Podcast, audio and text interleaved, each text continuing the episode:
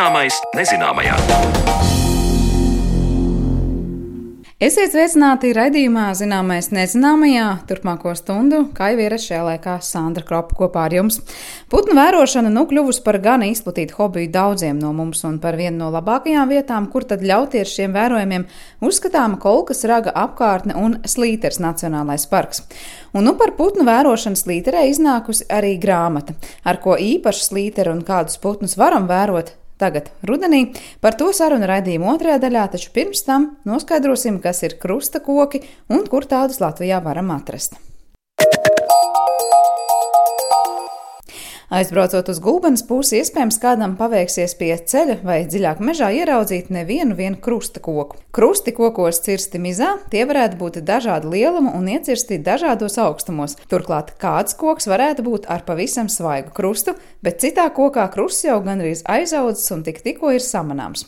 Kāpēc kokos cirsti krusti un vai tas tiek darīts joprojām? Plašāk klausieties Marijas Baltkalnas veidotajā ierakstā.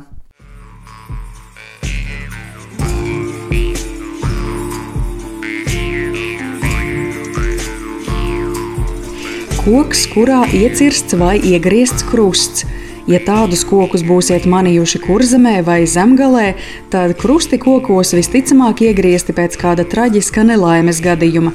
Taču pavisam cits stāsts saistīts ar krustakokiem, dodoties uz ziemeļaustrumu Latviju vai dienvidaustrumu Igauniju, kur krustu ieciršana vai iegriešana ir sena bēru tradīcija. Kā stāsta mans sarunu biedrs, vēsturnieks, dabas pētnieks un turisma speciālists Andris Grīnbergs, tad pamanīt šādus kokus dabā dažkārt ir īsts izaicinājums. Tāpēc šoreiz dodamies neklātienes ekspedīcijā pie krustakokiem, kuru skaits Latvijā varētu būt 60 līdz 80. Tālāk stāsta Andris Grīnbergs. Mūsdienās vai nesenos laikos šī tradīcija ir atrodama Gulbens apkārtnē, Gulbens novads, un arī atsevišķās vietās bijušā Madonas rajona teritorijā, kas nu, arī faktiski šodien joprojām ir Madonas novads. Nu, un pirms simts un droši vien arī daudz vairāk gadiem šī tradīcija ir bijusi izplatīta vēl plašāk vidzemes reģionā, ne tikai Madonas un Gulbenes apkārtnē, bet arī Alūksnes, Valkas, Valmieras un pat Cēsu apkārtnē. Un Igaunijā arī nav visa teritorija, bet uh, Latvijas teritorijai piegulošā Igaunijas daļa. Tas ir Verumā un Pelvamā apriņķī. Ja? Nedaudz ir arī Tartu un Valgas apriņķos. Nu, varētu teikt, faktiski visa Igaunijas dienvidu austrumu daļa no Tartu uz Latvijas robežas pusi virzienā uz Valku un Alūksni skatoties. Vai tie krusti cirsti tikai noteikta viena veida kokos? Nu, piemēram, man liekas, uzreiz egle, ja, sēru koks, vai tie ir eh, dažādi? Nu, faktiski gan Latvijā, gan Igaunijā uh, varētu teikt, ka ir trīs nozīmīgākās koku sugas, kas ir krustu koki. Tātad Pirmkārt, tās ir priedes un bērzi, un treškārt ir eglis. Latvijā eglis tā kā varbūt nedaudz mazāk, Igaunijā eglis diezgan bieži. Uh, ir arī apses, retu reizi ir citi krustu koki. Mēs, piemēram, Latvijas Petroglifa centra ekspedīcijā 2013. gadā Beļavas pusē atklājām pilnīgi nejauši krusta ozolu. Un šajā ozolā, kas pie liela ceļa atrodas, viņā bija iegriezti pārliecinoši trīs krusti. Tātad pirmais un šobrīd laikam arī vienīgais krusta ozols Latvijā. Un tie krusti noteikti ir dažāda izmēra, un es mm -hmm. pieļauju, ka šīs tradīcijas ir ļoti daudzveidīgas, ka tās nav tikai pēc viena modeļa veidotas. Jā, tie krusti atšķirās. Nu, ir tādas, teiksim, sakarības. Jā. Tātad krusti visbiežāk ir parastas formas, ja, parasti krusti, kā mēs redzam, gan baznīcas torņos, gan kapu krustus. Ja. Ļoti reti mēdz būt slīpie krusti, tādi kā iksiņi. Ja. Nu, un, uh, ir krusti ar krusta pamatnēm. Ja. Tā tad uh, vai nu zem krusta svītriņa vai tāds, teiksim, rombiņš iegriezts vai klucīts. Tie ir krusti, kas apzīmē nu, kapa simbolu. Bet nu, tipiski tā ir parasti krusti, griezti tādā tradicionāli viegli pieejama augstumā, kā cilvēks pieiet pie koka, nu, tad uh, tas ir 1,30 m, 1,50 m, nekur neliecoties, nekur nekāpjot. Ja pietiek vietas, protams, ar piebildi. Ja? Un te noteikti jānorāda, ka ļoti bieži krusta kokos ir viens, divi, trīs krusti, bet ir Tātad, kur tā tradīcija ir izplatīta, eh, tur mēdz veidoties gan krustu koku birzes, ja, tajos gadījumos, kad eh, nu, katra ģimene savā kokā griež tos eh, krustus. Ja, bet, ja tā vieta ir tāda ar mazāk kokiem, vai ir viens izteiksmīgs koks, ir, nu, tad uh, tradīcija tiek piekopta vienā konkrētā kokā. Ja? Un arī Latvijā ir zināmi vairāki tādi piemēri, kur uh, vienā kokā ir griezti ļoti daudz krusti. Ja? Varu izstāstīt, piemēram, par liezēri. Ja? Liezērē kādreiz rakstu avotos eh, bija atrodama ziņas, ka ir krustu priede. Nu, tā krusta priede, diemžēl, sen jau gājusi bojā. Viņa nokalta, pēc tam viņu padomju meliorātori vienkārši novāca. Bet blakus bija bērns, kurā tad, uh, tradīcija saka, pārgāja, un tajā bērzā tika griezti ļoti daudz krustu iekšā. Un tā kā es viņu pirmo reizi apsekoju 1999. gadā, tad mēs viņus skaitījām vēl 2002. gadā vēlreiz. Teiks, jau salīdzināmais materiāls ir vairāk, tie krusti tur bija, tur bija vairāk kā 30. Un tas Latvijā ir pats mm, krustiem bagātākais koks, ko es esmu redzējis. Bet ir pilnīgi drošas ziņas, ka tajā pašā Liezēras krustpriedē, kas sīļu māju tūmā bijusi, ka tur ir bijis daudz vairāk. Ja? Man, piemēram, 2002. gada vasarā viens vietējais teicējs teica tā, ka nu, simtiem krustu tur bija. Nebija vietas, eh, kur iegriezt, kā par trepēm augšā un grieza, grieza tur augstāk. Un tā tradīcija kopumā jau ir tāda, ka tos krustus griež eh, kāds no aizgājēju tuviniekiem. Ja? Nu, tā ir tuvākais radinieks.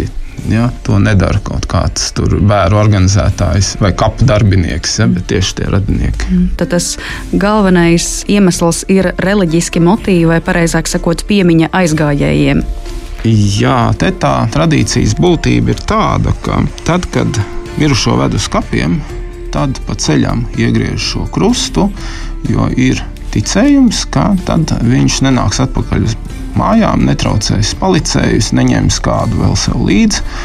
Ja, un, tā ticības tradīcijas būtība ir tāda robežu šķirtnes novilkšana starp palicējiem un aizgājējiem. Ja.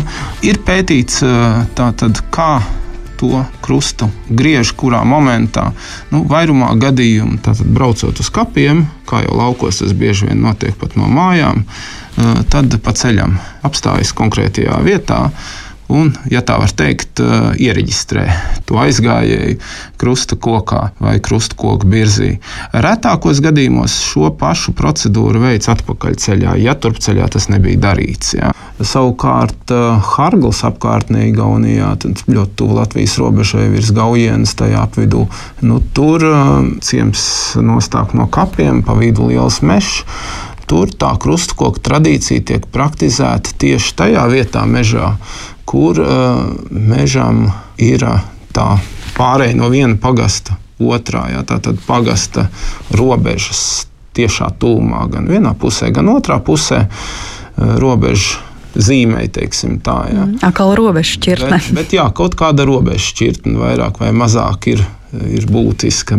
Ar krusta koku birzi obligāti netiek saprasta tradicionāla bērnu birza. Tas var būt koku puduris, kurā atrodami arī skujkoki. Krustakoku tradīcijas pirmsākumi ir visai noslēpumaini, taču to noteikti var dēvēt par simtgadīgu.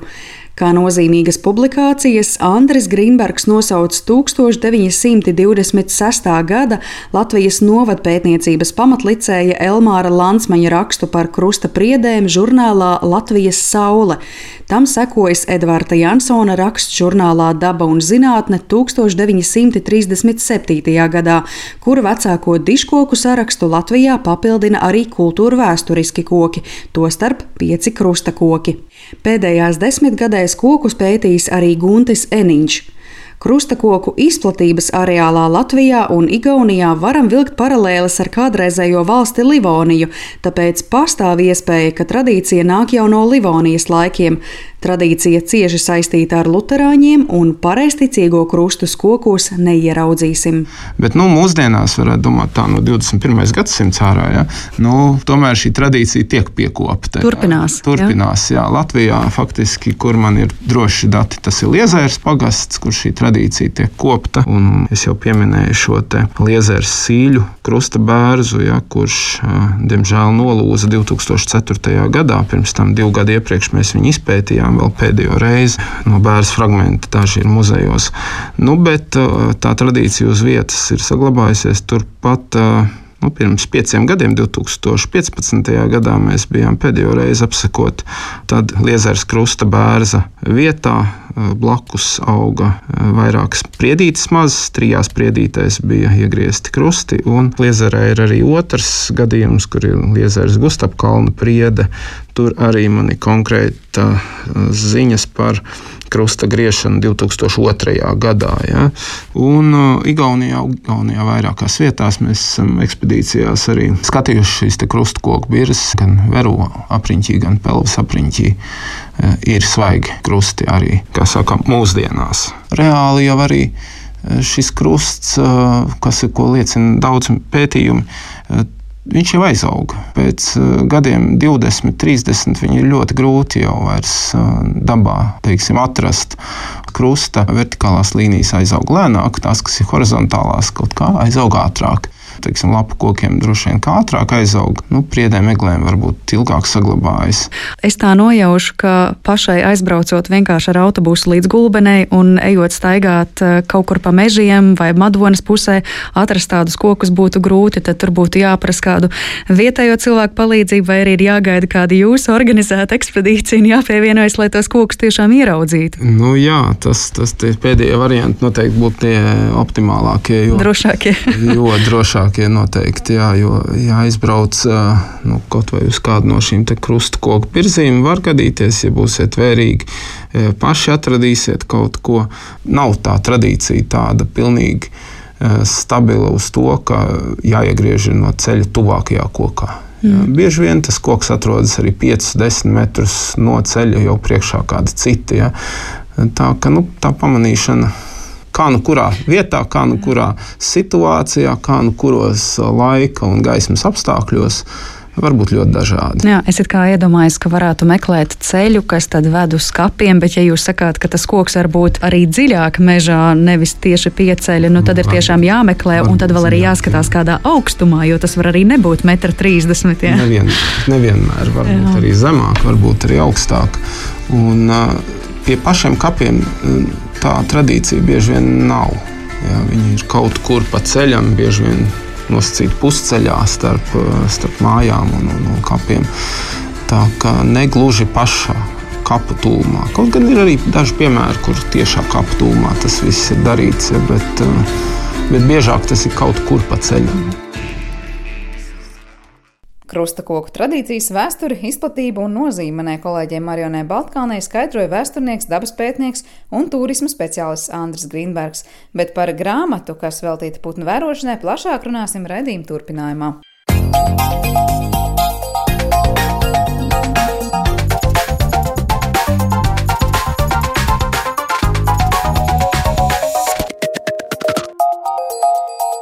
Zināmais nezināmajā. Grāmata, kas ļauj ieskatīties ne tikai ornitoloģijas, bet arī pašas Latvijas vēsturē. Tā par nesen kā iznākušo grāmatu putnu vērošanas līteres Nacionālajā parkā saka ornitologs Viesturs Ķērus. Vai tā patiešām nu, ir un ar ko tad putnu ziņā īpaši ir tieši slīteres apkārtne, par to mēs runāsim raidījuma atlikušajā uh, sadaļā, jo mūsu studijā ir ornitologs un grāmatas putnu vērošanas līteres Nacionālajā parkā autors Ruslans Matronis. Labdien! Labdien! Vispirms apsveicu ar grāmatu, kas pavisam svaigi ir iznākusi. Es saprotu, pieejama arī interesantiem, nu tādiem, kuriem patiešām interesē putnu vērošana. Kas rosināja pašam iemūžināt grāmatā šo stāstu par to, kāda ir putnu vērošana slīterē? Nu, šis bija tāds garš posms, un uh, faktiski šī grāmata jau uh, bija iecerēta daudzus gadus atpakaļ. Un, uh, Sliteras Nacionālā parka darbinieki meklēja iespējas, kā viņu izdot, un uh, šīs konkrēti grāmatas variants tāpā sadarbībā ar dabas aizsardzības pārvaldes tādu projektu Baltika Wings. Tas ir tāds starptautisks projekts, kura ietvaros četras valstis ap Baltijas jūru - Latvija, Igaunija, Zviedrija un Somija. Um, tiek veidota tāda infrastruktūra un dažādi materiāli tieši putnotājiem.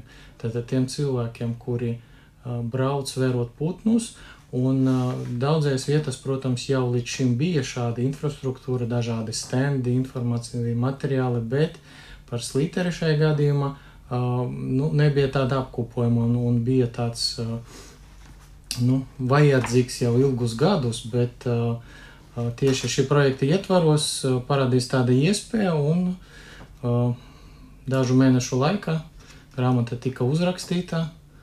Uh, noformēta, izdota, un tagad uh, visi interesanti, gan tie, kas lasa latviešu, gan arī angliski, jo trešdaļa no grāmatas ir pārtulkots teiks angļu valoda, tad to var uh, dabūt, izlasīt un uzzināt gan par putnu vērošanas vēsturi Slitras Nacionālajā parkā, gan par tiem putniem, kurus uh, var sastapt tur mūsdienas. Tā kā arī šis rudens varētu būt visiem, kur vēlo, vēlas vērot putnus, ļoti izdevīgs laiks, lai likt lietā tādu, var teikt, ceļvedi arī putnu vērošanā. Jā, jau tikko pieminētais tas, ka ir gan par tos līteras putniem pagātnē, tur atrodama informācija, gan tādas praktiskās kartas arī un, un, un cita veida informācija, kā varētu vismā raksturot. Grāmata, var teikt, ir tas apkopojums gan par to, kā labāk vērot putnus un kur labāk vērot, vai tā ir tāda, nu, lieliska uzziņa literatūra par pašām putnu sugām, kas tur sastopama. Šis konkrēts izdevums jau vairāk domāts tiem, kas brauc tieši uz Ziemeļkurzemi, jo tur aprakstīts labākās vietas, dažādas sezonas, kādi putni sastopami, ir dotas kartes, piemēram, kur tos putnus var meklēt, un apraksti par putnu migrāciju. Tā kā tas ir tāds lokāls, nu, tāda vides turisma, dabas turisma uh, izdevums. Uh, kuram ir mērķis piesaistīt cilvēkus putnu vērošanai, palīdzēt viņiem saprast to informāciju. Jo daudzi, piemēram, es novēroju, ka kolkas raga brauc daudz turistu, viņi aiziet līdz ragam, bet, nu, ja viņam nav zināšanas, piemēram, par putniem, viņi tur daudz neko neredz. Viņi apskatās jūrā, ūdens nekā tāda nav, tur drupas un aiziet atpakaļ.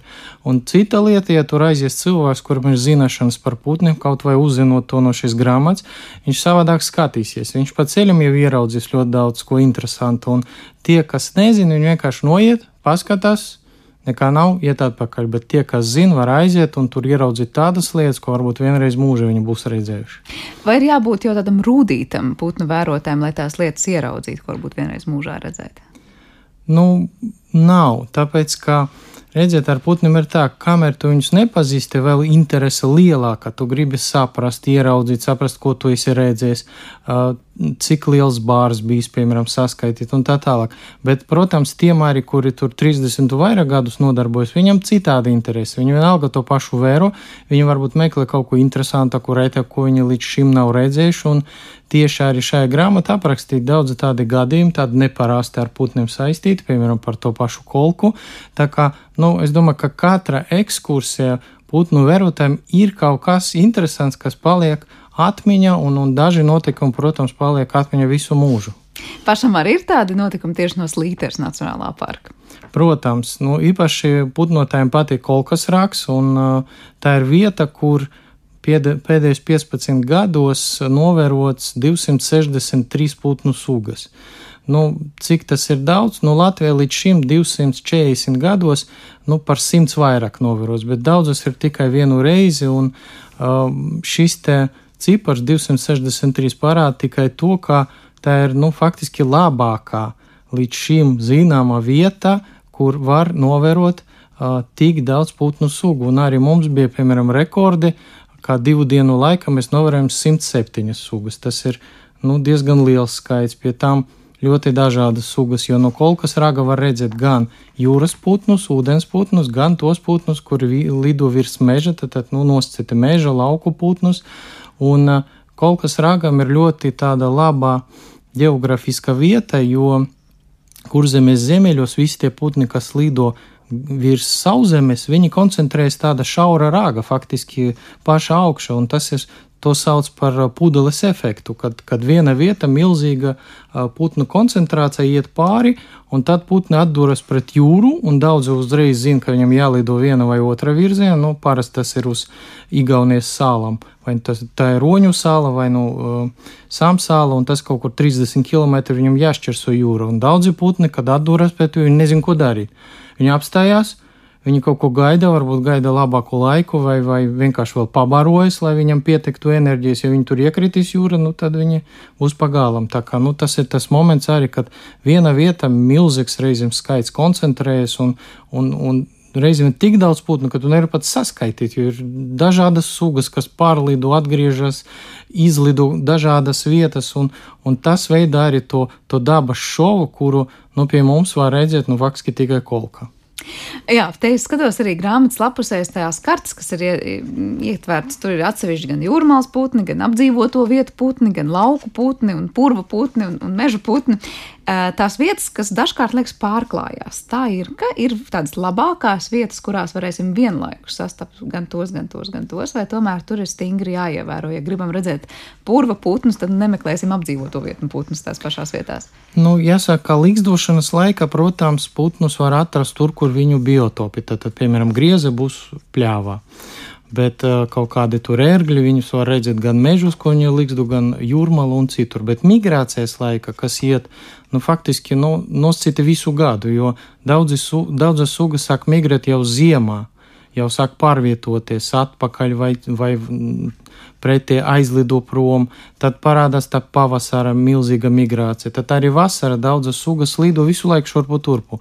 Un sanāk, ka faktiski pat, pat eh, jebkura ciema var redzēt diezgan daudz putnu sugas, kas it kā nav raksturīgas tai vietai, bet nu, tā ir migrācija un nu, atliek tikai paņemt binokli un vērot visu, kas ir apkārt, un jūs varat atrast visu, ko. Jā, šeit arī grāmatas virsraksts putnu migrācija dabas šovs, diezgan daudzsološs virsraksts, kas parāda arī par to, ko no tā šova var gaidīt, un kas interesanti, ka iezīmējot tos migrācijas ceļus, tie putnu pavasara migrācijas ceļi un putnu rudens migrācijas ceļi, nu, dažos gadījumos pat ir diezgan atšķirīgi virziena ziņā un vietas ziņā. Cik lielā mērā ir jābūt labi sagatavotam, ja tagad kaut vai rudenī gribas braukt vērotos uh, migrējošos putnus, būt īstajā vietā tieši zem tā ceļa, vai tomēr tā teritorija ir salīdzinoši maza, lai nu, tomēr tur redzētu to putnu daudzveidību no jebkuras puses. Nu, jāsaka, ka, ja mēs runājam piemēram par ziemeļkurzemi, tad tiešām pavasaris ir tas labākais laiks, jo putni lido no dienvidiem uz ziemeļiem, uz savām likstošanas vietām. Bet rūdeņos ir tā, ka um, putni cenšas turēties tomēr virs sauszemes, un viņi lido no ziemeļiem uz dienvidiem, un viņam sanāk, ka viņi pārlido uh, samsālu, un tad izlido jūra, un pie mums uh, pielido pie krasta kaut kur pie ovišiem un tālāk lido uz dienvidiem gar, gar Latvijas piekrasti, gar sauszemi.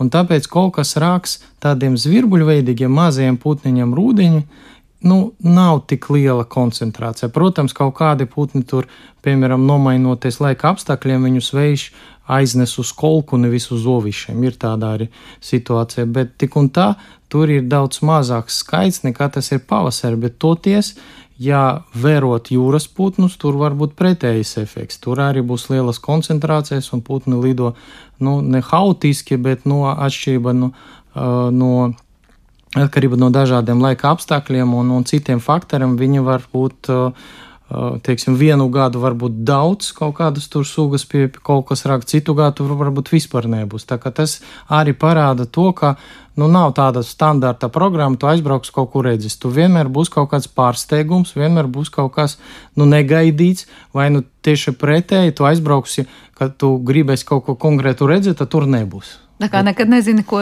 paredzēt. Jā. Kuras eh, pašam liekas ir tās visinteresantākās eh, sugas tieši slīteres putnu klāstā, ja tā var teikt? Nu, tā grūti pateikt. Vienkārši mm, katram tādam putnu vērotājam ir kaut kādas tādas mīļākās, varbūt grupas, kas viņam vairāk patīk. Piemēram, nu, es zinu, ka daudz uz kolku brauc vērot plešputnus, tātad ērgļus, lījas, piekunus, jo tā ir tiešām vieta, kur viņi koncentrēti pārlido. Citi brauc skatīties kaut kādus jūras putnus, jo tur ir tomēr um, nu, jau faktiski jau Baltijas jūra ir bez šaurums, un pie lieliem vējiem tur arī var novērot kaut ko ļoti retu, kas, kas pie mums parādās tikai rūdeņos. Un, nu, katram ir savas intereses, bet nu, man visvairāk tiešām patīk tas, ka tā ir vieta, kur nu, faktiski stāvot uz vietas, nu, jebkurā gada laika var redzēt ļoti daudz dažādu putnu. Un ka nav tā, ka tur atnāks, tur nekā nebūs. Tur būs jūra, vai nu tur būs meža, vai nu tur būs pārlidojuma. Tā kā nu, tiešām šeit ir ļoti tāda liela koncentrācija un, un perfekta vieta gan iesacējiem, gan, gan profesionāļiem. Ja, nu, nav tā, ka viss sagaidīs tur redzēt zosis un pīles un neko eksotiskāku nevarēs ieraudzīt. Tā kā tur būs no nu, visa kā. Tur būs no visa kā, un, un katru reizi, pat, pat nākošajā dienā, ja tu iesi uz rāgu, tur būs, nu, ne, ja ne citi putni, tad būs citas koncentrācijas un citi iespaidi. Uh, Kas ir zināms par tiem putniem, nu kā mainījušies laika gaitā tās sugas mums, kas tur apdzīvo slīters, eh, var teikt, vietas? Eh, jo grāmatā, es saprotu, daudz tiek runāts arī par putniem, nu, ko mēs zinām pagātnē, jau kādu vērojumu tur ir bijuši, vai cik daudz mēs zinām, ieskatoties pagātnē par tām putnu sugām. Nu, neskatoties uz to, ka Latvijā uh, putnu vērošana, jeb informācija par putniem mums ir no 240 gadiem, Bet tieši par slīteres putniem nu, tādi pirmie novērojumi, kurus es atradu, bija aptuveni simts gadus atpakaļ. Tā, tā bija teritorija, kuru nu, nevarēja tik viegli sasniegt. Respektīvi, tur, tur pa ceļu nebija. Tur brauca ar jūras laivām vai uz Dundagu un tur gar, gar piekrasti. Tā, tā ir tāda nu, noslēgta teritorija bija. Un, uh, arī padomju gados tur bija padomju robeža. Respektīvi, tur nevarēja vienkārši tāpat aizbraukt. Tur 50 gadus vajadzēja atļaujam būt, lai varētu vienkārši uz krastu iziet. Līdz ar to mēs tiešām daudz ko nezinām, kas bijis pirms tam, jo tikai no 80. gadiem, kad parādījies Sliteres rezervātā darbinieki, respektīvi tur bija ornitologi, kas uzsāka šīs teritorijas apsekošanu, un tad viņi atklāja, kur kas ir, tā kā mēs vairāk varam salīdzināt tikai nu, pa pēdējiem kādiem 40 gadiem. Bet viennozīmīgi jāsaka, ka nu, tas, kas ir bijis agrāk un tas, kas ir šobrīd, nu, tā vērtība palikusi un nekas tā īpaši nav pazudis kaut kā globāli lielā um, mēroga, un, un, un, un joprojām tā teritorijā ir ļoti, ļoti laba daudzajām sugām, kas tur līgzdo, un, un pat dažam sugam, tādam kā vakarlēpis vai, vai, vai rūbenis, tur ir tiešām tādi, nu, varam teikt, rekordi sasniegti, skatoties arī tāda plašāka apkārtnē, cik tur daudz novērots, piemēram, līgzdošanas laikā. Bet ir kādas sugas, kas ir tieši nākušas klāta tajos pēdējos 40 gados? Es nedomāju, ka tur īpaši daudz nāca klāt, bet tur vienkārši konstatēja viņus pirmoreiz. Jo katru gadu, piemēram, tajā pašā kolkas raga, neskatoties uz to, ka tur 260 sugas jau noveras, tur katru gadu nāk kaut kāda jauna. Nu, ir tādas, kas tur izplatās uh, tikai šobrīd un parādās tur, bet nu, vienkārši tur ir putnu ir tik daudz, ka es domāju, mēs vēl kaut kādas 50 sugas tur noteikti atradīsim. Tas ir vienkārši jautājums meklēt. Uh, Un, un, un nu, ja būs veiksme, tad arī atradīs. Te, ja kāds entuziasts klausās šo visu, tad cik liela nozīme tur būtu tādiem putnu vērošanas entuziastiem šo jauno sugu meklēšanā? Tie būtu dati, kas būtu derīgi ornitologiem, vai tur vēl būtu kārtīgi jāpārbauda?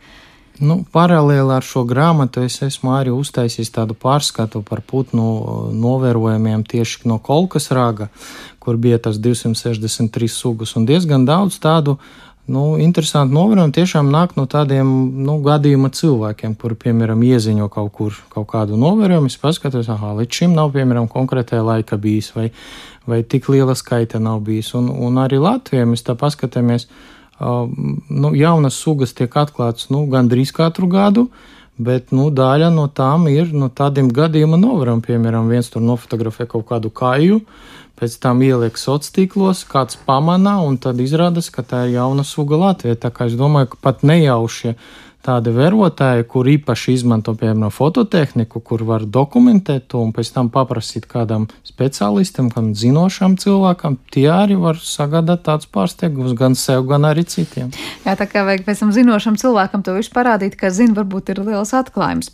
Kā ar to vēsturi, ja mēs runājam par tās pašas konkrētas līteras vietas vēsturi, var teikt, līdz 80. gadam mums īsti nav vispār informācijas, kā tur īsti bija un kas tur īsti bija. Cik slēgta un patiešām, nu, pilnīgi visiem slēgta teritorija teritorija tā bija? Nu, jāsaka, ka liela daļa no tiem uh, pētniekiem, kur atstāja kaut kādas ziņas uh, par ziemeļkurzemes putniem, nu, viņi vai nu emigrējuši, vai nu gājuši bojā. Līdz ar to mums nav ne dienas grāmatu, ne kaut kādu vairāk pierakstu. Un, cik es esmu pats atradis, tie kaut kādi atsevišķi izbazeņa muzejas palikuši. Līdz ar to, protams, bija daudz vairāk informācijas. Bet nu, tie publicēti nelieli kaut kādi gabaliņi, nu, parāda tikai to, ka šo teritoriju apsekoja un kaut kādu uh, laiku arī bija tur fenoloģiski novērojumi, piemēram, vietēji skolotāji skaitīja, kāda atlido putna, bet nu, tas, kas ir publicēts, tas faktiski arī ir viss, jo citu avotu pagaidām līdz šim nav, līdz tiem 80 gadiem. Tas ir līdz 80 gadiem, tad kaut vai 70.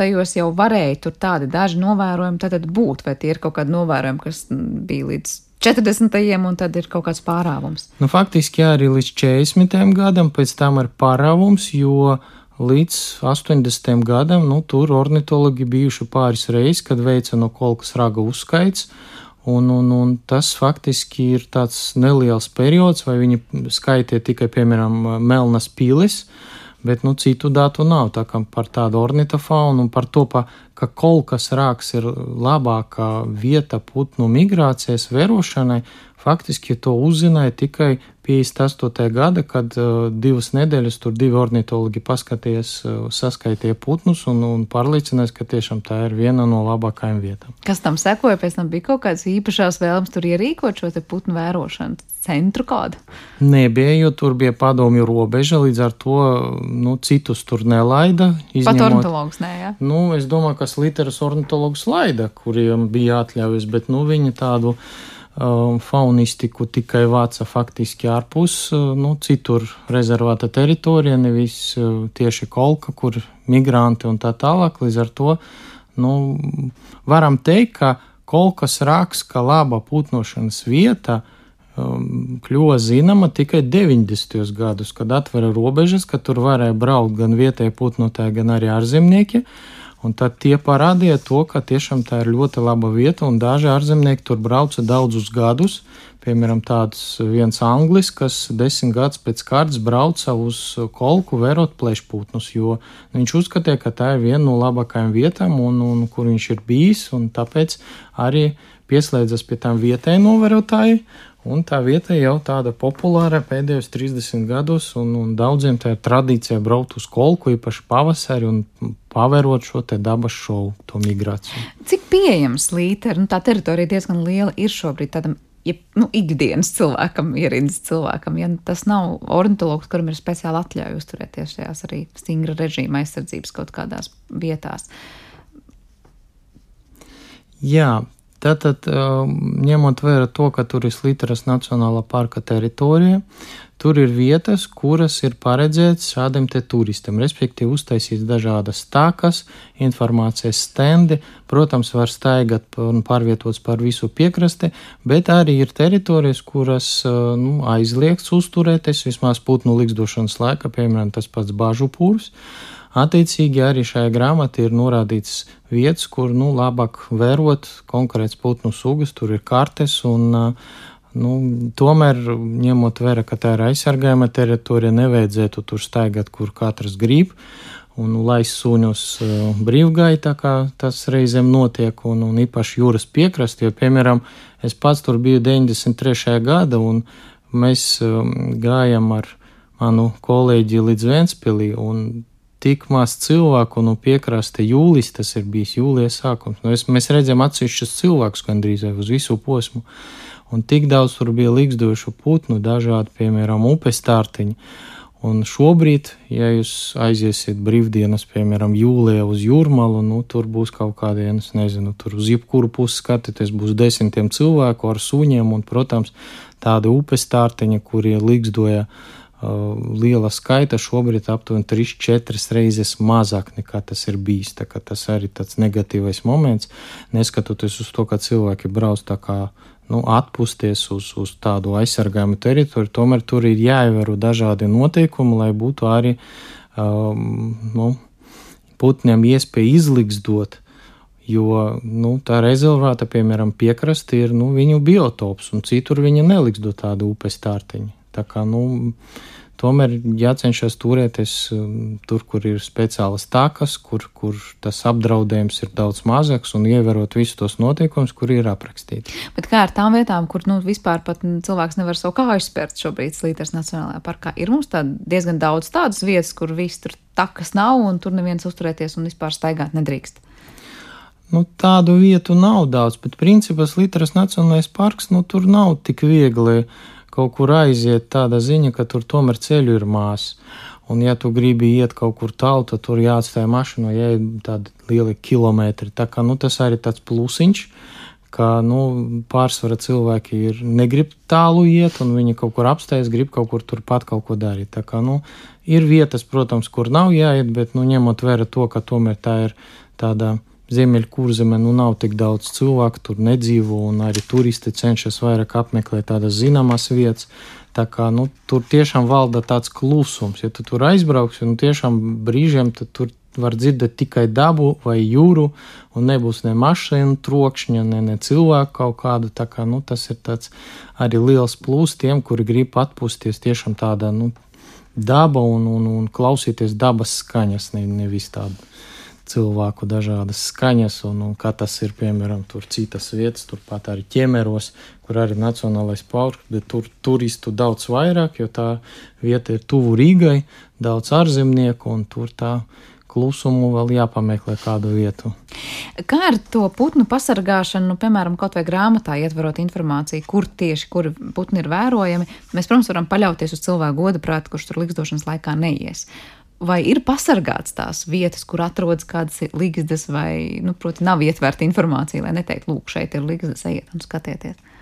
Nē, nu, protams, informācija par aizsargājumām sugām netiek izplatīta tāda ziņa, kur viņam ir līgzdas un tā tālāk. Un, šajās teritorijās ir tāda juridiska aizsardzība, bet, nu, protams, tur nevar nodrošināt tā, ka tur pie katras līgzdas stāvēs kāds uzraugs un kaut ko kontrolēs. Protams, ir arī gadījumi, kad, kad cilvēki tur tuvojas, nu, pārsvarā droši vien neapzināti.